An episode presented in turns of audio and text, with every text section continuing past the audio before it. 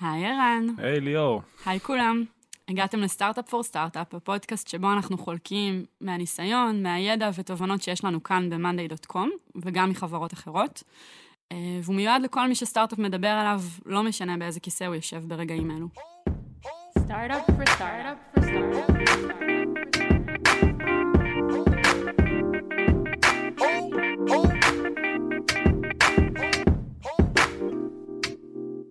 אז היום אנחנו נדבר על A-B testing, שהוא כלי מרכזי בעבודה שלנו בחברה בכלל ובפרט uh, בעבודה של צוות אגרוף. Uh, צוות אגרוף זה צוות שהוקם לפני קרוב לשנה, מונה היום שישה חברי צוות, uh, ראש צוות, שני מפתחים, product, BI. Uh, ואנחנו נארח את אבירם, שהוא מפתח בצוות. אבירם, איזה כיף שאתה איתנו, תגיד מה שלום. מה קורה, אבירם? אהלן, שלום לכולם, כבוד גדול להיות uh, מרואיין ראשון. תודה שבאת. אז מה זה A-B test? טוב ששאלת, ליאור. ששאלת. אמ, A-B test זה בעצם כלי שיש לנו לבדוק אה, שתי גרסאות של המוצר, אוקיי? אמ, ובעצם לראות איך כל גרסה משפיעה, למדוד איך כל גרסה משפיעה על ה user. לדוגמה, אה, נניח יש לנו אתר, ובאתר יש אה, כפתור בצבע אדום, ואנחנו רוצים לראות מה יקרה, אנחנו רוצים לגרום לכמה שיותר אנשים ללחוץ על הכפתור לצורך העניין. ואנחנו נגיד כפתור הרשמה לצורך העניין. כן, לכפתור הרשמה, אה, ואנחנו רוצים לבדוק מה תהיה ההשפעה, לייצר בעצם אה, טסט, לראות מה ההשפעה אה, על היוזרים שלנו אם נהפוך את הכפתור לכפתור כחול, בצבע כחול.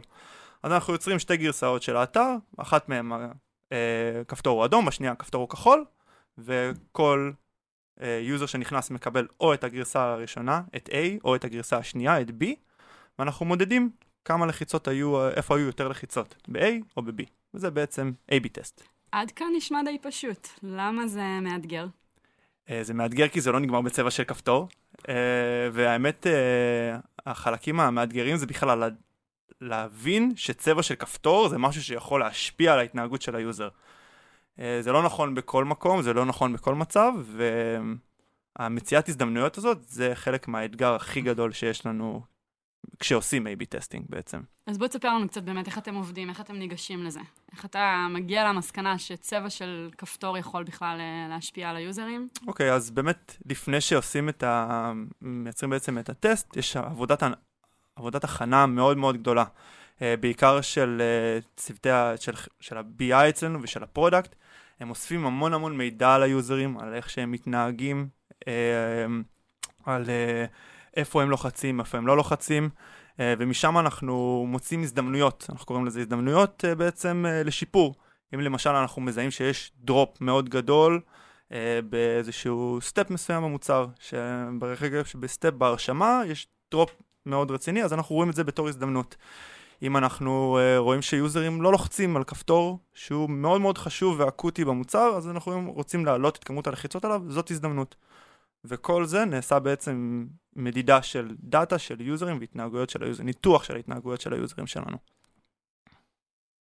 כן, ערן. מה? נראה כאילו יש לי שאלה? כן. אתה מהנהן פה בראש. לא, אני מסכים עם אווירה. אה, לא, אבל אני חושב שמה שהוא נגע בו זה מאוד חשוב, שתאורטית אה, זה מאוד מאוד חשוב איפה עושים, אה, לא תאורטית, בפועל זה מאוד חשוב איפה עושים את ה-AB טסט, כי אפשר על כל דבר לעשות A-B טסט.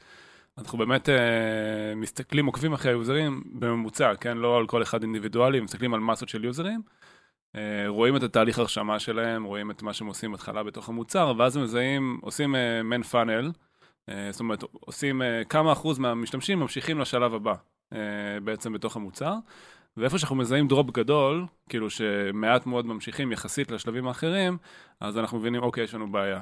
סתם לצורך העניין, אה, נגיד ליוזרים מאוד מאוד קל ללחוץ על הכפתור של ההרשמה, ואז הם מגיעים לטופס שיש בו, הם צריכים למלא בו טלפון. וראינו שבטופס שיש בו טלפון, זה... הרבה יוזרים אומרים, אוקיי, אני לא מרגיש בנוח לשתף את הפרטים, וראינו שיש שם דרופ גדול. ואז יש כזאת השערה שאומרת, אולי אם אנחנו לא נבקש מהם את הטלפון, או נבקש מהם את הטלפון יותר מאוחר בתוך המוצר, אז זה ישפר בעצם את כמות היוזרים שממשיכים לשלב הבא, ובאופן כללי ישפר את המספרים. אז באמת לזהות איפה זה יותר חשוב נראה לי אפילו מלעשות את הטסט עצמו, כי זה ניצול הזדמנויות. ואת ההזדמנויות האלה אתם מזהים uh, לבד בתוך הצוות, אתם משתפים בזה עוד אנשים בחברה, איך עובד התהליך הזה? Um, אז את ההזדמנויות האלה אנחנו אה, קודם כל, עושים עליהם, משתפים אותם בתוך הצוות, אבל uh, תמיד משתפים הכל בתוך החברה, כי יש המון המון uh, צוותים אחרים שמסתמכים על הניתוחים שלנו, uh, וגם הם משתמשים בזה בשביל uh, לנסות לתקוף את אותן הזדמנויות מהצד שלהם. אה, לא רק growth עושים testing, כל הצוותים בחברה עושים testing ו-AB testing, ובעצם... כל אתם אחד... עושים יותר. אנחנו עושים הכי הרבה, by far, אבל, אבל כל אחד יש לו את הזווית ואת. התיאוריה שלו לגבי ההזדמנות הזאת בעצם, אה, שהוא יכול לקחת אותה לכיוון שלו. ואיך בוחרים? הרי אמרתם קודם, גם אתה וגם ערן, שעל פניו אפשר לעשות טסט על כל דבר באתר. מן הסתם צריך לתעדף, ויש דברים שיותר חשובים מאחרים. איך מזהים מה יותר חשוב? אוקיי, okay, אז באמת, אה, אחרי שאנחנו מזהים הזדמנויות, אנחנו מפתחים בעצם מה שנקרא אה, היפותזה או תיאוריה לגבי מה יכול אה, לשפר את האזור הזה. אה, ובתהליך הזה של היצירה של התיאוריה, אצלנו זה פשוט נקרא היפותזה, אז אני אגיד היפותזה מעכשיו. סגור. יותר נוח לי. אה, בתהליך הזה של היצירה של ההיפותזה, אה, אנחנו גם מנסים לכמת מה תהיה ההשפעה אם נשפר את האזור הזה. כי יכול להיות שיש כפתור שמעט מאוד לוחצים עליו, אבל הוא לא כל כך רלוונטי מבחינתנו, או, או או אנחנו לא חושבים שהוא יעשה אימפקט גדול על המספרים של החברה. אז גם אם נשפר אותו, זה לא יזיז את המחט, וגם אם נגרום להמון אנשים ללחוץ עליו, זה לא יזיז שום דבר, אז אנחנו לא ניגש לשם בכלל, אנחנו לא ניגש להזדמנות הזאת. אז רגע, אז תסביר שנייה פעם מה זה היפותזה, כי אני לא בטוח, אולי תן דוגמה אפילו. אוקיי, אה, אז אה, דוגמה למשל אה, להיפותזה, זה שלמשל user, אנחנו מרגישים ש user נכנס למערכת שלנו, ואנחנו רואים שהוא חסר אוריינטציה. יש לנו היפותזה כזאת. זה השערה. זה השערה. כן. ההיפותזה, סליחה, זה, זה ההזדמנות, אנחנו רואים שהוא חסר... רגע, מההתחלה. חדש. חדש. אנחנו רואים הזדמנות, אוקיי? ששמים לב מניתוח של data ש user נכנס למערכת, והוא חסר אוריינטציה, הוא לוחץ על דברים שהוא לא אמור ללחוץ עליהם, מתמקד okay. אוקיי. בדברים שהוא לא אמור ללחוץ עליהם, ואז הייתה לנו היפותזה לגבי למה הוא חסר אוריינטציה, כי חשבנו שיש לו המון המון כפתורים מול העיניים, המון המון דברים ללחוץ עליהם, שגונבים את הפוקוס. יש לו הצפה בעצם כן. של אה, גירויים. גירויים שתופסים ממנו את הפוקוס. זו הייתה היפותזה... זאת אומרת, יכול להיות שזה נכון, זו הייתה איזושהי השערה שלכם, יכול להיות שזה גם לא נכון. נכון. אבל. אה, זה, זה בעצם איזושהי תיאוריה ש... או היפותזה שבעצם אה, העליתם ללמה הוא עושה את זה. נכון. ואז מה עשיתם כדי לבדוק את זה? אז מה שעשינו, אחד הדברים שעשינו בשביל לבדוק את זה, זה באמת יצרנו A-B test, שבגרסה החדשה של המוצר, אה, ניקינו את כל הכפתורים שלא חשבנו שהם רלוונטיים לדקות הראשונות של ה user במערכת. אוקיי, okay. גרסה רזה כזאת של האתר. גרסה רזה של המערכת, כן. אמ, איך היה? אז ספציפית הטסט הזה, למרות שהייתה לנו היפותזה מאוד חזקה, לא הצליח. לא הזיז את המחט, לא עשה שום דבר. אה, אבל למדנו מזה, בעצם, מה שלמדנו מזה זה שבעצם זה לא העומס הקוגניטיבי שצריך להפריע לנו, זה איך אתה מפקס את ה user בלי לא, להוריד ממנו אה, פונקציונליות מהמוצר. זה, בזה היינו צריכים להתמקד, זה מה שלמדנו מהטסט. עשינו אחר כך follow-up test שאישרו את, ה, את ההיפותזת המשך הזאת, אה, אבל זה באמת משהו שלמדנו אה, כשראינו שהטסט הזה נכשל, אמרנו אוקיי, אז זה לא העומס שמפריע לו, זה החוסר פוקוס. זה לא הריבוי כפתורים, שהוא לא יודע על מה ללחוץ. כמה זמן צריך להריץ בעצם טסט כדי להגיע למסקנה כזאת? אמ, זה תלוי טסט, אבל לרוב הטסטים האלה רצים אה, בין שבועיים לשלושה. אה, כי אצלנו במערכת יש היום תקופה של ניסיון של שבועיים שהמוצר הוא בחינם, ורק אחרי שבועיים יוזרים אה, חייבים לשלם. אז בעצם בשביל למדוד את ההשפעה של הטסט שלנו, איך זה, איך זה תורגם ללקוחות משלמים, במקרה שלנו, אז אנחנו צריכים לחכות בין שבועיים לשלושה. אבל אם אני מבינה נכון, זה בגלל שזה טסט שמתמקד בהמרה, בקונברג'ן של סיינאפים אה, ללקוחות משלמים. נכון. זאת אומרת, אם תתמקדו בבעיה אחרת באזור אחר במוצר, נכון. אולי תצטרכו פרק זמן יותר קצר או יותר ארוך. נכון, נכון, נכון, נכון. אה, האילוץ הזה של השבועיים אה, תקופת ניסיון רלוונטי רק כשאתה מודד את האזורים האלה בעצם. נכון. כן, יש מוצרים שאין להם את השבועיים ניסיון האלה, אז יכול, יכול להיות שאפשר לעשות טסטים יותר מהירים. נכון. אצלנו ספציפית, פשוט נקודת ההחלטה שלהם היא אחרי שבועיים. אז במינימום צריך להמתין שבועיים בשביל אה, לקבל איזשהו... ואיך זה, זה מרגיש להמתין שבועיים? אה, זה בהרבה מקרים אה, ככה... בוא, בוא תספר לנו איך עוברים השבועיים האלה. איך עוברים השבועיים האלה? השבועיים האלה קודם כל עוברים בזה שאנחנו כבר מתכננים הלאה, מה אנחנו עושים בשלבים הבאים, אם הטסט הצליח או אם הוא נכשל. תמיד יש לנו פולו-אפ טסט בשביל, מה, מה קורה הלאה. זה מזכיר לי את הספרים האלה, כשהייתם קטנים, אתם זוכרים שהיה ספר כזה שאפשר לבחור את הסוף? כאילו באיזשהו אה, שלב של בספר. אומרים לך, כן, אם אתה רוצה ללכת לעמוד אדיר. 200, יש לי אז כאילו אבירם- הייתי קורא את כל הספר ברצף. גם אני. ה... אז זה מה שאבירם אומר, שהם כאילו בעצם אה, מחזיקים את שני הסופים ביחד, וכבר בונים את המשך העלילה. כן, חבל שהוא חייב לתכנת כל A-B טסט אה, בדרך. זהו, זה אה, נשמע קצת אה, נכון. לא יעיל. אז אמ, זה לא העניין שזה לא יהיה, אנחנו לא מתכנתים את כל הטסטים. אנחנו קודם כל מכינים היפותזות. אוקיי, אז בואו נדבר על כל הפלואו רגע. אוקיי. יאללה. אז בעצם השלב הראשון זה, איך שדיברנו עליו, זה מציאת הזדמנויות. וברגע שיש לנו הזדמנויות, אנחנו ממשיכים לשלב הבא, שזה להרכיב היפותזות ללמה משהו קורה או למה משהו לא קורה. אמ, איך מגדירים בעצם היפותזה? אנחנו מגדירים אה, אה, מה אנחנו רוצים, למה אנחנו חושבים שמשהו קרה.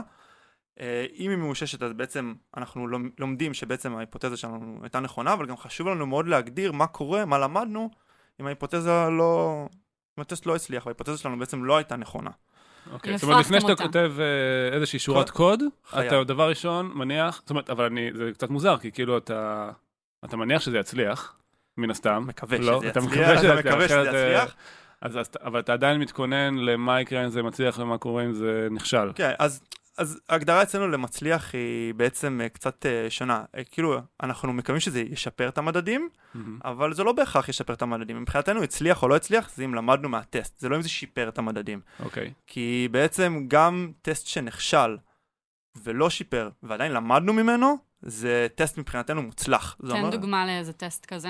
למשל ה clean board שדיברנו עליו ממש לפני כמה דקות, הייתה היפותזה מאוד מאוד חזקה שיש עומס קוגניטיבי מאוד רציני על ה user שהוא מבולבל מכל הכפתורים ובעצם הטסט הזה נכשל ברגע שבדקנו את ההיפותזה בצורה מאוד מאוד אה, מרוכזת ומאוד מאוד ממוקדת בדקנו רק את ההיפותזה הזאת, גילינו שהיא לא נכונה ואז בעצם למדנו מזה שאוקיי, העומס הקוגניטיבי זה לא מה שמפריע ל user.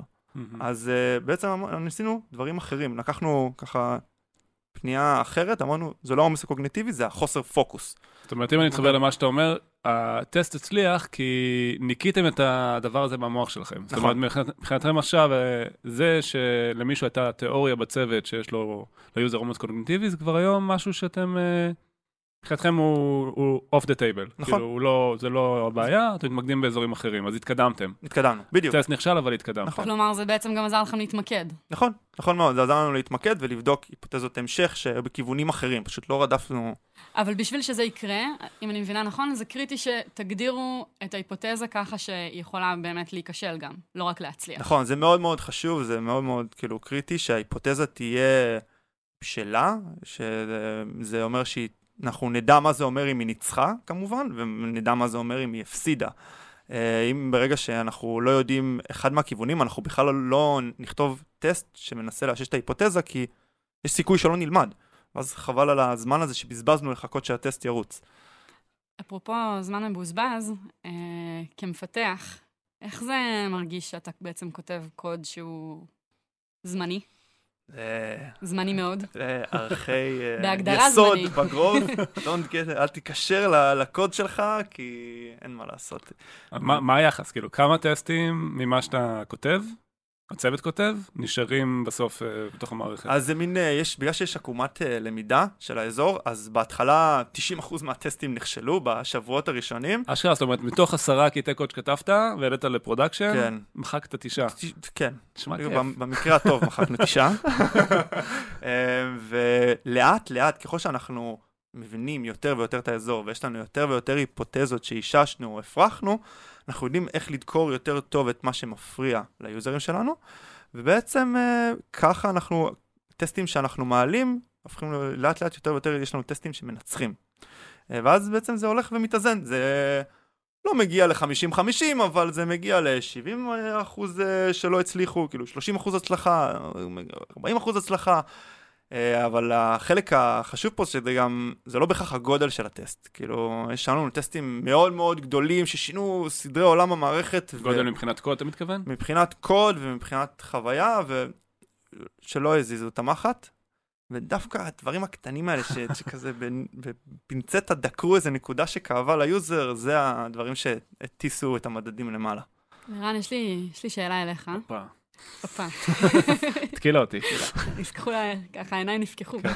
אמ, זה צוות חדש יחסית, בן פחות משנה. מה, מה היה בחברה לפני זה? על פניו היום זה כלי וזה דרך עבודה שהיא בלתי נפרדת, וכל החלטה במוצר עוברת דרך הצוות, אבל מה עשיתם לפני שהיה צוות גרוף? אה, שאלה טובה, כי עכשיו קשה לדמיין את החברה בלי הצוות, אז בוא תעצום עיניים, הופה. לא, נחזיר אותך לא לשנת צריך, לא צריך. 2015, וואו, כל כך רחוק. אה, 2016, לא, 17 2017. אפילו, כן. אז מה שקרה, אני חושב שמאוד התחדד לנו בזה שצריך לעשות צוות גרוף, כי עד היום כולם עושים A-B טסטים, כן? זה לא שהם היחידים שעושים טסטים במערכת, וחס וחלילה שהם היחידים שצריכים לשפר את המדדים, כאילו הצוות של הפיתוח, גם מתעסק בזה המון. אני חושב שמה שקורה, שהחברה גדלה, אז יש איזשהו מתח כזה של, מצד אחד יש לך המון פיצ'רים חדשים שאתה רוצה לפתח, יש לך רודמט להספיק, ויש לך באגים לתקן וכל מיני דברים של maintenance, ואני חושב ששמים לב שפתאום לפיתוח יש פחות uh, תשומת לב לעכשיו uh, בוא נתחיל להריץ טסטים, ו- וראינו שזה נופל בין הכיסאות. זאת אומרת, זה לא שלא הייתה להם מוטיבציה או רצון לעשות את זה, זה פשוט ה-capacity שלהם במוח לא, לא הצליח להחזיק, כאילו, גם לפתח פיצ'רים חדשים, גם לתקן באגים. וכמו תמיד, אם אתה רוצה לייצר כאילו איזשהו, כאילו, כוח עבודה שעובד לעבר המקום הזה, אז אה, החלטנו לפצל את הצוות. מה שאני חושב שממש מגניב זה שהצוות של ה growth, הוא יכול לגעת בכל מקום במערכת. זאת אומרת, זה לא שיש לו אה, מנדט רק לגעת ב sign up, או רק לגעת ב home page, או רק לגעת ב... הם יכולים לגעת בכל מקום. אנחנו חבר'ה שהיו בתוך הפיתוח, מעבירים אותם לצוות growth, הם מכירים את כל המערכת, והם עובדים ממש בסינרגיה טובה עם הפיתוח, והם פשוט נוגעים cross הכל, זאת אומרת ב pricing, בתמחור ובתוך המוצר, והם נוגעים כאילו cross כל, ה, כל החברה בעצם. אבל מה שמגניב שממש ממש פוקוסים על, על הדבר הזה. וזה פשוט אופי אחר של עבודה, זה אופי אחר של עיצוב, זה אופי אחר של איך שעושים product. ואני חושב שזה היום הגיוני מאוד שזה עובד ככה, ואנחנו רוצים גם להגדיל את הצוות growth.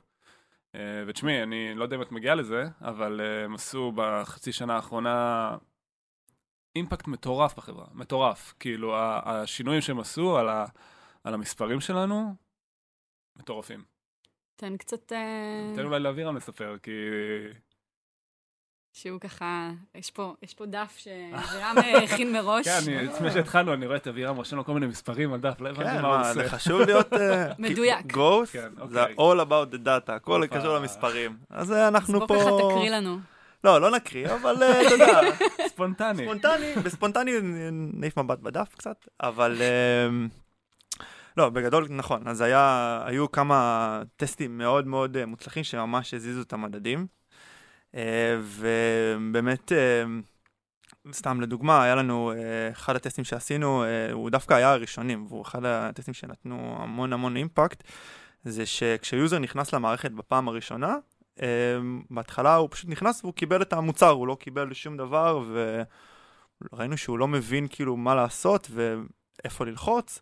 אז הוספנו סרטון וידאו קטן שמופיע לו, והוא יכול, אה, איך שהוא נכנס, מופיע לו הסרטון וידאו הזה של דקה, שמסביר לו מה הערך של המוצר, מה ה-value של המוצר, מה הוא יכול לעשות, מה הוא יכול... אה, זה.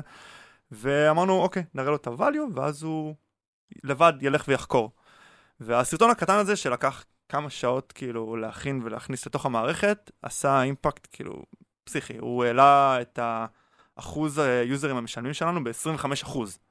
שזה, שזה כאילו מטורף, ואת, ה, ואת השיפור הזה גם היה אפשר לראות uh, ב-MRR שלנו, בעלייה ב-MRR של 33 אחוז. רגע, מה זה MRR? MRR זה בעצם ה-monthly recurring revenue, זה כמה כסף נכנס כל חודש לחברה מיוזרים משלמים. אז uh, סתם בשביל uh, טיפה מספרים להיכנס, אם היום ה-MRR של החברה, כל חודש לחברה נכנס uh, 2.6 מיליון דולר uh, מלקוחות משלמים, אז תחשבו על 33 אחוז on top of that. מעל זה, וזה היה טסט יוצא דופן, או שיש עוד דוגמאות כאלה בסדרי גודל זה כאלה? מטורף. כאילו, לא, אז אומר, זה, זה אה, טסט שהיה חריג יחסית, רוב הניצחונות שלנו הם, הם לא כאלו גדולים, הם, הם 6 אחוז, 7 אחוז, היה לנו עוד טסט למשל שהוספנו לוגוים של, אה, של אה, חברות אחרות שמשלמות, שהן מאוד מאוד מוכרות, כשאתה פותח את, ה, את ה-payment form שלנו. זה הדבר הראשון שאתה תראה.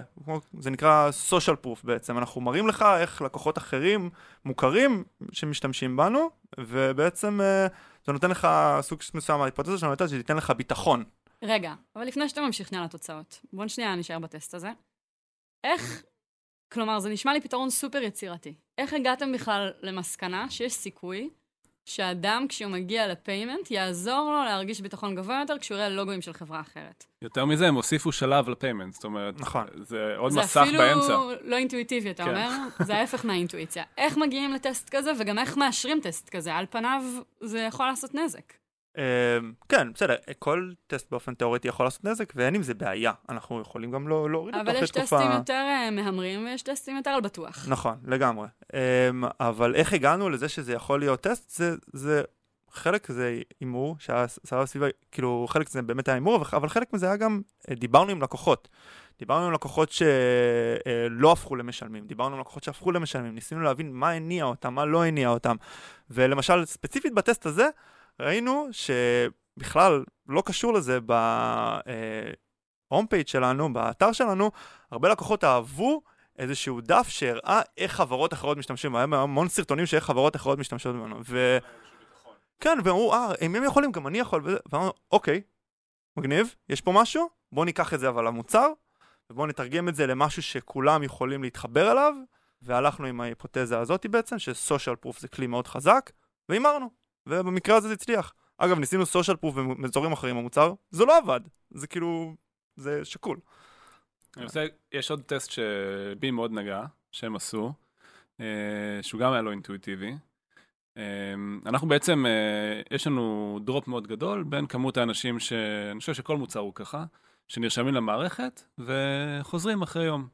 אנחנו ממש רואים drop ענקי, זאת אומרת, הרבה מאוד מנסים, נרשמים, ואז למחרת לא חוזרים.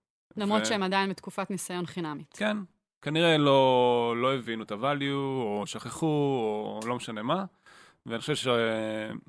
כאילו, זה תמיד אה, כזה משגע אותך. אוקיי, למה הם לא חוזרים? השקיעו כל כך הרבה אנרגיה בלהירשם, אישרו את האימייל שלהם, בואו נחזיר אותם לתוך המערכת. ואני חושב שבאמת, לאורך כל החיים של החברה, תמיד אה, ניסינו לשנות את ה onboarding, את החוויה של כניסה למוצר. אמרנו, אולי לא הבינו את, ה, את הממשק אה, משתמש, אולי הם לא הבינו מה לעשות בתוך המוצר, בואו נעזור להם. ועשינו כל מיני, באמת, אני זוכר אישית שכתבתי בערך שמונה ניסיונות כאלה, כמעט כל בן אדם שהצטרף לחברה, אמרנו, תקשיבו, יש לי רעיון אדיר, בואו נוליך את היוזרים ונסביר להם, הנה, פה אתם מוסיפים אה, עוד עמודה, פה מוסיפים עוד תוכן. אה, ובאמת ניסינו אינסוף אה, אופציות כאלה ושום דבר לא עזר. פשוט ראינו ששום דבר לא עוזר ואני לא מבין, כאילו אנחנו מראים ל user מה לעשות בתוך המערכת ואיך הם לא, איך זה לא משפר בעצם את המדדים. ואני חושב שהטסט שעשה איזשהו שינוי אה, משמעותי שמה, היה שהלכנו לכיוון אחר לגמרי. שוב, הוספנו שלב, לא אינטואיטיבי, שבשלב הזה אנחנו מראים ל user כל מיני טמפלטים שאיך אפשר לעבוד עם המוצר שלנו. בעצם משהו שהוא מאוד מייחד את המוצר שלנו, שהוא מאוד ורסטילי. אפשר להשתמש בו להמון שימושים, והראינו להם המון המון טמפלטים. איך אפשר להשתמש בזה בפיתוח, ואפשר להשתמש בזה ב marketing וב-HR וכולי. כדי שנייה לתת אה, מושג לכמה שימושים אפשר לעשות עם המוצר, כמה ורטיקלים אנחנו אומרים שמשתמשים היום? יש לנו 200 ורטיקלים, והקטע הוא שכל ורטיקל בעצם המציא לעצמו את הטמפלטים שלהם.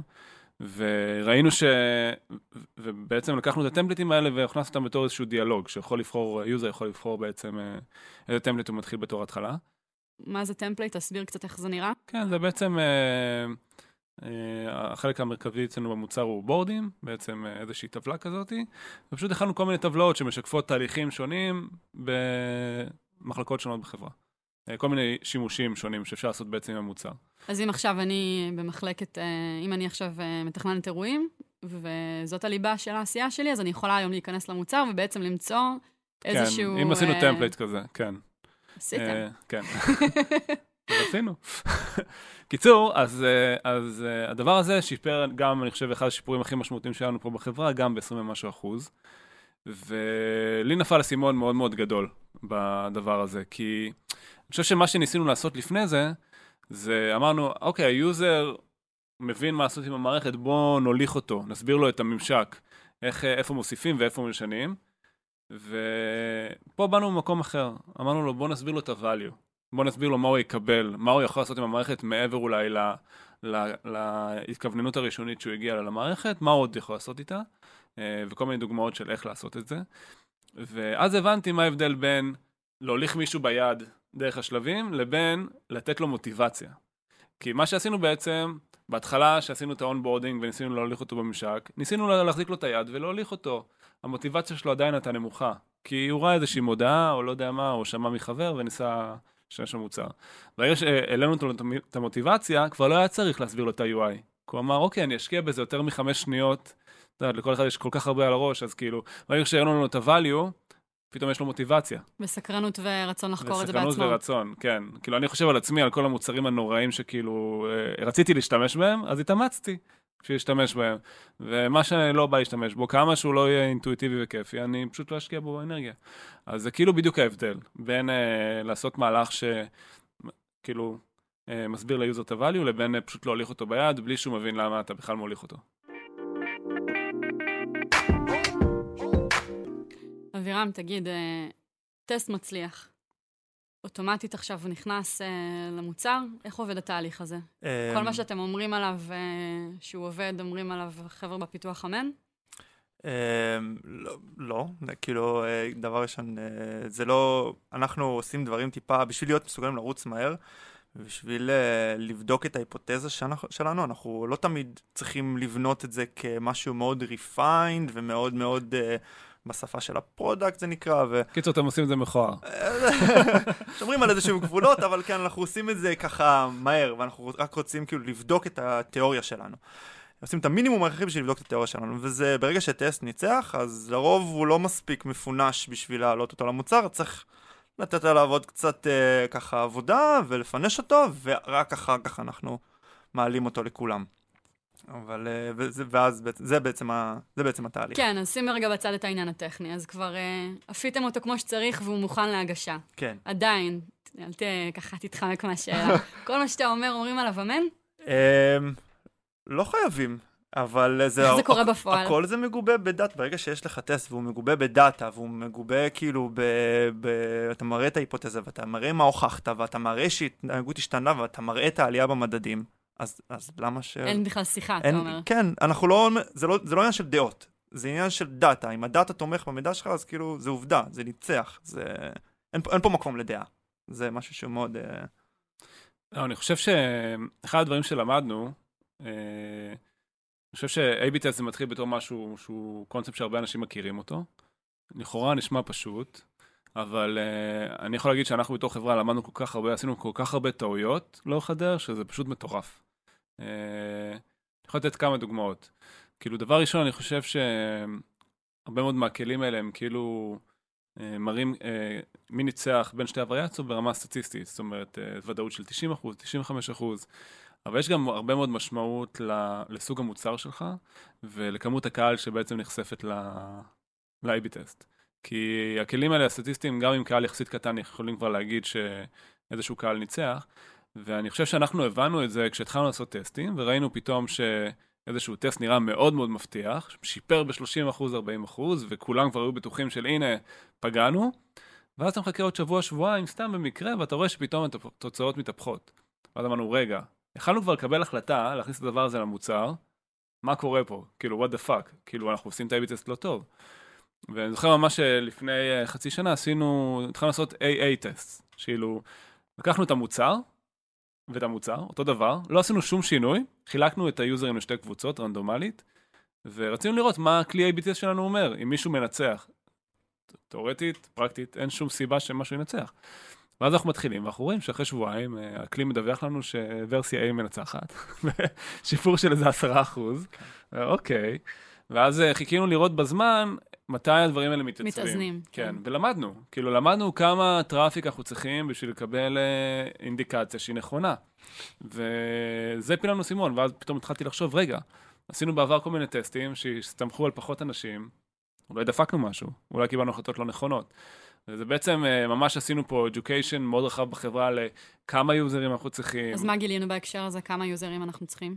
חושב שאתה מכיר את המספרים יותר טוב ממני, כן. אבל אה, 40 אלף בכל וריאנט. לא, זה, זה, כרגע היום זה עומד על 25 אלף בכל וריאנט. 25 אלף אנשים שנרשמים. נכון. בכל וריאנט, אה, זה תלוי בסוג של הטסט, זה גם יכול להיות 25 אלף אקאונטים שנרשמים, שזה כאילו, גם, זה עוד יותר, אה, זה לא קשור לאנשים. אה, אבל עוד משהו, נקודה חשובה ב, לגבי ה-AA טסט, זה באמת שזה גם עזר לנו מאוד להתפקס, כי יש איזשהו טווח שאנחנו לא באמת יכולים להיות ודאים לגבי ה... לג. לגבי התוצאות שלו, אלא אם כן נחכה המון המון זמן, שזה מה שאנחנו לא יכולים להרשות לעצמנו, ואז בעצם הגדרנו, זה עזר לנו מאוד להתפקס, כי אה, טסטים או, או היפותזות שלא חשבנו שיעשו אימפקט יותר מהטווח הזה, אנחנו גם, אנחנו זונחים אותה, אנחנו פשוט לא עוקבים אחריהם, כי אנחנו יודעים שהיום אין לנו את היכולת למדוד את זה. אז זה עוד משהו שאנחנו תמיד יושב לנו בראש. אם זה טסט שאנחנו חושבים שיעשה שיפור מאוד מאוד קטן, אנחנו אפילו לא, לא נלך לשם. שזה גם משהו שלא היה בהתחלה של הגרואות, ומשהו שלמדנו אחר כך, וזה נתן לנו המון המון פוקוס, ועזר לנו מאוד להתפקס, כאילו, ב... יש. איזשהו טסט שהצליח בוודאות, ובכל זאת אה, החלטתם שלא להטמיע אותו במוצר? כי אני אסביר לך מאיפה באה השאלה. על פניו, אנחנו מדברים פה על, כמו שערן אמר, על סטטיסטיקה ועל דאטה, וזה פן אחד. אבל בסוף יש לנו שפה עיצובית, יש לנו ער- ערכים למוצר, יש לנו כל מיני דברים אחרים שמנחים אותנו בסופו של דבר. יש איזשהו רגע שבו הסתכלתם על טסט ואמרתם, זה מצליח, אבל אנחנו לא מטמיעים? אמ, כן, היו כמה כאלו. אתה יכול לתת דוגמה? אני מנסה לחשוב על דוגמה. אמ, היה, רגע, אני יכול על דוגמאות של טסטים שלא ניצחו, אבל בחרנו אותם. כן. זה, זה דווקא. הפוך, כן. כן. אה, אני גם יכול אה, להיזכר כאלו, עשינו... כי זה היה יותר התאים לערכים של המוצר. נכון, נכון, כאלה. נכון, נכון. לא, אני זוכר עכשיו דוגמה, אה, לדוגמה שעשיתם איזשהו טסט, שפתחת את המערכת בלי תוכן, זאת אומרת בבורד לא היה תוכן, נכון. והוא שיפר את כמות האנשים שהפכו לקוחות משלמים, אבל ראינו שהיוזרים מתקשרים פחות אחד עם השני, זאת אומרת הוא פגע באיזשהו מדד אחר, שהוא מאוד מאוד חשוב לנו בתור חברה, נכון. איזשהו ערך מאוד חשוב. ולמרות שהוא שיפר, אני חושב, ב-6-7 אחוזים, אמר, אנחנו נכון. לא מוכנים אה, לפגוע בערך של התקשורת בתוך המוצר, אז אנחנו החלטנו לחזור אחורה. ודוגמה לטסט באמת ש... שלא הצליח מבחינה סטטיסטית, אבל החלטנו בכל זאת להטמיע. אה, שלא הצליח, אה, לא יודע, אבל יש לי עוד דוגמה מגניבה. יאללה, לך על זה. אני מתחמק מהשאלות של ליאור, אתה רואה? אה, יפה, אתה עושה את זה הרבה יותר יפה ממני. מה, להתחמק? כן. כן, אחי, אני- יש לי ניסיון איתה. אתה יודע, זה לא הפודקאסט הראשון שלי איתה. וואי, וואי, וואי. קיצור, אז אה, אנחנו לפעמים עושים טסט... לכל פודקאסט יש אחרי פודקאסט, ערן. אה, הסתבכתי, הסתבכתי. אה, קיצור, אז אנחנו עושים לפעמים טסטים שהם, אנחנו קוראים להם דפנסיביים. זאת אומרת, אנחנו מעלים טסט על משהו שהוא בכלל לא אמור לשפר, פשוט מפחדים שהוא ידפוק. אה, אני יכול לתת דוגמה, אנחנו החלטנו באיזשהו שלב לעשות ניסוי, של לשאול בתהליך הרשמה את הבן אדם האם הוא מנהל או לא מנהל. ככה, זה היה נראה לנו הגיוני. אמרנו, אולי אנחנו ככה נוכל לחזות יותר טוב מי הולך להיות לקוח משלם, אולי נדע ל... מי מוסיף את הצוות שלו? כן, כל מיני סטטיסטיקות. לכאורה, השאלה הכי תמימה בעולם. שאלנו, are you managing people בתאריך ה-sign up, כן או לא? ואמרנו, טוב, בוא נעלה את זה עם A/B test, just in case. והעלינו את זה, קיבלנו אה, מידע, ופתאום ראינו שהדבר הזה הוריד לנו את האחוז המרה ב-10 אחוז. אני כאילו, what the fuck. אז התחלנו להמציא תיאוריות, זה גם הקטע ש... שאתה מצליח או מפסיד, אז אתה מעלה תיאוריות, כי אתה לא באמת יודע למה, אבל אמרנו, אולי אנשים שהם, המוצר שלנו אפשר גם לאמץ אותו על ידי אנשים שהם לא מנהלים, אז אולי אנשים, אה, גם שאלנו האם אתה מנהל, אז אולי אנשים שהם לא מנהלים הרגישו שהמוצר הזה לא בשבילם. כאילו אולי ניסינו לפלטר אותם, או לא יודע מה. מה דפנסיבי בזה? הדפנסיבי בזה שלכאורה יכלנו להגיד, בוא פשוט נעלה את השאלה הזאת. היא לא נוגעת במוצר, היא סתם איזושהי שאלה שהיא אופציונלית לענות עליה. ראינו שהיא גם, אם לא הורידה את כמות האנשים שהשלימו את התהליך הרשמה, זה הקטע. שזה לא, זה לא הוסיף להם friction, מה שנקרא, בתהליך הרשמה, שפחות אנשים נרשמו, אבל פחות אנשים שילמו. וואו. שזה, כאילו, אנחנו בדקנו שזה לא דופק את התהליך הרשמה, ובגלל שאנחנו תמיד עושים טסטים שהם גם דיפנסיביים, בדקנו שזה לא דופק את כמות האנשים שהופכים ללקוחות משלמים, וראינו שזה כן. ואנחנו היום, פיצ'רים שאנחנו מעלים, גם אם הם uh, בצד וגם אם הם לא אמורים להיות, לא אמורה להיות להם השפעה כאילו מיידית על, ה, על המוצר או על האחוז האנשים שהופכים ללקוחות משלמים, אנחנו בודקים אותם. Uh, ואנחנו מגלים דברים מאוד מאוד מפתיעים עם הדבר הזה. כמה טסטים אתם מריצים במקביל? בכל רגע נתון יש רק הגרוס מריצים בערך אה, שישה, שבעה טסטים, ועוד אה, צוותים אחרים מריצים עוד טסטים, זה בערך עשרה טסטים בכל רגע נתון על המערכת. זאת הייתה שאלת ביניים, אבל סבבה, חשבתי שתגיד לי יותר מאחד, אבל איך זה עובד? כאילו, איך זה יכול להיות? מה שרן עכשיו תיאר, פתאום הבנתי שצריך לדעת בוודאות מוחלטת שה-conversion לפיימנט באמת נפגע מזה שהוספנו שאלה על מנהל או מנהל. אם אתה מריץ שישה, שבעה, עשרה טסטים במקביל, איך אתה יודע לשייך את האפקט הזה לטסט אחד או לשני? אז אחד העקרונות זה באמת שהטסטים אף פעם לא יכולים לרוץ על אותו אזור במוצר. אנחנו מבודדים בעצם את האזורים שבעליהם הטסטים רצים. אם הם רוצים לרוץ במקביל, הם חייבים להיות על אזורים שונים, בשביל שנדע מה ההשפעה של כל טסט אה, ונוכל לבודד אותה בעצם. ואז, ואז באמת כאילו זה לא אפשרי אם, אם יש לך שני טסטים שרצים על אותו אזור, אם יש לך, אם אתה גם משנה את הצבע של הכפתור וגם משנה את הגודל שלו, אז אתה לא יודע מה השפיע. אתה יודע שכאילו אולי זה השפיע, אולי זה השפיע. ו... כלומר, בדוגמה שערן תיאר, אז השאלה, הדבר היחיד ששיניתם בטופס הרשמה, היה את השאלה הספציפית כן, הזאת, כן, בהכרח. כן, במסך הספציפי הזה, זה הדבר היחידי ששיניתם. ובמסך, אני שנייה בכל זאת אקשה, במסך אחרי זה, כי הרי אמרנו שבסוף זה כן השפיע על מדד אחר, על נכון. מדד לא ישיר על פניו. נכון. איך אנחנו יודעים שמשהו אחר לא השפיע באותו הזמן אז, על אותו המדד? אז אוקיי, זה עוד פעם עניין של אה, סטטיסטיקה, שבעצם בגלל שהטסטים לא תלויים, אז בעצם... כל אחד יכול לקבל איזושהי uh, גרסה שונה של המוצר. אחד יקבל למשל עם, ה, עם השאלה החדשה שהצגנו, ולמשל אם ב-step שאחריו uh, שינינו צבע של כפתור, אז עם השינוי צבע של הכפתור, ו-user אחר יקבל עם השאלה, אבל בלי השינוי צבע של הכפתור. ה-tests לא תלויים אחד בשני, ואז בעצם נוצר על כל שני טסטים בעצם יש ארבע גרסאות של המוצר שאתה יכול לקבל, אוקיי? שתיים חזקת... אנחנו בעצם מגרילים מחדש עבור כל האוכלוסייה, עבור כל טסט. נכון. וצריך להבין שכשאבירם אומר שיש לנו עשרה טסטים במקביל, כל אחד עם שני וריאנטים, זה אומר שבכל רגע נתון, כרגע, יש 2 אה, בחזקת 10, אלף גרסאות שונות של האתר. נכון. זאת אומרת, רק אחד מתוך אלף משתמשים יקבל את אותו גרסה בדיוק אה, של האתר. אז כשאתם אומרים את זה, אני מבינה שזה משפיע בעצם על עוד חלקים בחברה. מה, מה עושים בתמיכה הטכנית כשמתקשר מישהו ואומר, יש לי כפתור צהוב שלא עובד. כפתור צהוב ענקי, באמצע המסך. כן. ויגידו לו בתמיכה הטכנית, וואלה, אצלנו במוצר אין כפתור צהוב. איך נמנעים מהדבר הזה? אני מקווה שאתה לא עושה כפתורים צהובים, אבירם. אה, כרגע לא, אבל אולי בהמשך, מי יודע. אה, אז נכון, זה אתגר, וזה אתגר שהקסטומר ספורט שלנו מתמודדים דווקא מאוד מאוד מאוד יפה, אבל בשביל להקל עליהם, אז בטסטים שהם מאוד אקוטיים וכבדים, ודברים שמאוד מאוד משנים דברים מאוד מאוד אה, גדולים במוצר ובחוויה של המשתמש, אנחנו מסמנים את הגרסה שהיוזר מקבל אצלם בטיקט. הם יודעים אם הוא קיבל את הווריאנט הזה או את הווריאנט הזה, איזה גרסה הוא קיבל בעצם בשביל לדעת איך לפנות אליו ואיך בעצם לתת לו את הטיפול הכי טוב, אבל זה לא קורה בכל, uh, על כל טסט שאנחנו מעלים, זה רק קורה במאוד מאוד כבדים ורציניים. כאילו העברנו פה איזה 40 דקות באיזה כיף להיות בגרוסטים, ואיזה כיף להיות אווירה. לא השתכנעת. לא, אז בא לי ככה להכיר את האווירה. מתי, מתי לא כיף לך? מתי uh, אתה מודאג? איפה בכל זאת אתם מוצאים אתגרים? ועל אמת. תמיד חיובית, ליאור. זה... לא, אנחנו נהפוך את זה לחיובי בסוף, אה, אל אוקיי, תדאג, אוקיי. אבל שנייה לפני זה... אז, אז בעיקר בהתחלה, כשאתה לא פוגע בשום דבר בטסטים שלך, זה, זה מתסכל בטירוף. בהתחלה של הטסט או בהתחלה של העבודה בהתחלה בצוות? של העבודה על האזור. גם, גם בהתחלה עכשיו שהוקם הצוות, הצוות לא הוקם לפני הרבה זמן, אז עשינו המון המון המון טעויות, שבדיעבד כאילו מאוד פגעו בלמידה שלנו, והלכנו הרבה פעמים אחורה, אז לקחנו צעד אחורה בשביל להתקדם קדימה, וזה היה מאוד מתסכל. אבל גם ברגע שהתחלנו להתמקד באזור ספציפי, אז גם אנחנו עוד לא מכירים את האזור, אנחנו עוד לא יודעים מה יעבוד, אז בהתחלה כל הטסטים שלנו נכשלים. קצת כאילו לגשש באפלה כזה. נכון, עד שאנחנו מצליחים להתפקס ולהבין כאילו מה עובד ומה לא עובד, וזה נורא מתסכל. במיוחד שאתה יכול לשבת על טסט כאילו כמה ימים טובים ולקודד אותו, ו... וזה גם החלק של לא להיקשר, כי זה לא קשור לכמות האפורט, אנחנו לא נשמור טסט כי מישהו שם שם המון אפורט, או...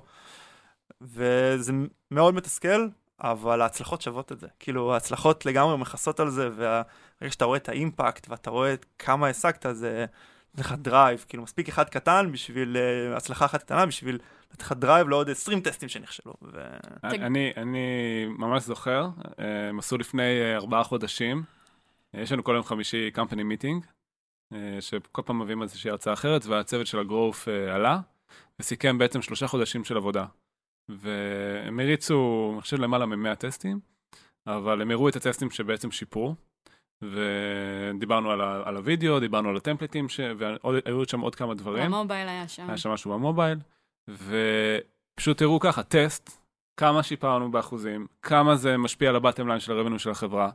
אני, זו הייתה הרצאה שקיבלה הכי הרבה מחיאות כפיים, כאילו ever, כי אנשים הבינו איזה אימפקט אדיר הם עשו על החברה. הם, הם, הצוות הזה, רק במהלכים שהם עשו, הם הוסיפו לנו כמעט עשרה מיליון דולר בהכנסות שנתיות בשלושה חודשים האלה. אין יותר אימפקט מהדבר הזה, זה כאילו, זה היה מרגש ברמות, ועם כל הקשיים שהיה להם, זה, זה היה פשוט מדהים. זה כאילו הצלחה הכי לפנים שאפשר. הבטחתי לך שנסיים את זה בנימה חיובית, לא? הופה, אמרתי לך שנהפוך את זה לאופטימי. זה יש אותי, את מורידה, אני דברים. תגיד, ויש משהו שאתם עדיין לא, לא יודעים לעשות מבחינה מתודית, מבחינת אה, ככה תהליכי העבודה שלכם? כן, אז באמת אה, אחד הדברים שאנחנו עדיין עובדים עליו אה, מאוד... חייבת להוריד, ערן, כן, חייבת. כן, לא, אני, זה כבר התר- התרגלנו, לא כן. שאנחנו עדיין עובדים עליו מאוד קשה, זה בעצם, כמו שאמרנו בהתחלה, חשוב מאוד שהקצב של הטסטים יהיה מאוד גבוה, והצוות של, הצוות של הגרואות, של צוות גרואות חייב לעבוד בקצב מאוד מאוד גבוה, וזה מתנגש כרגע עם זה שכל טסט חייב לרוץ זמן מאוד ארוך יחסית, בין שבועיים לשלושה.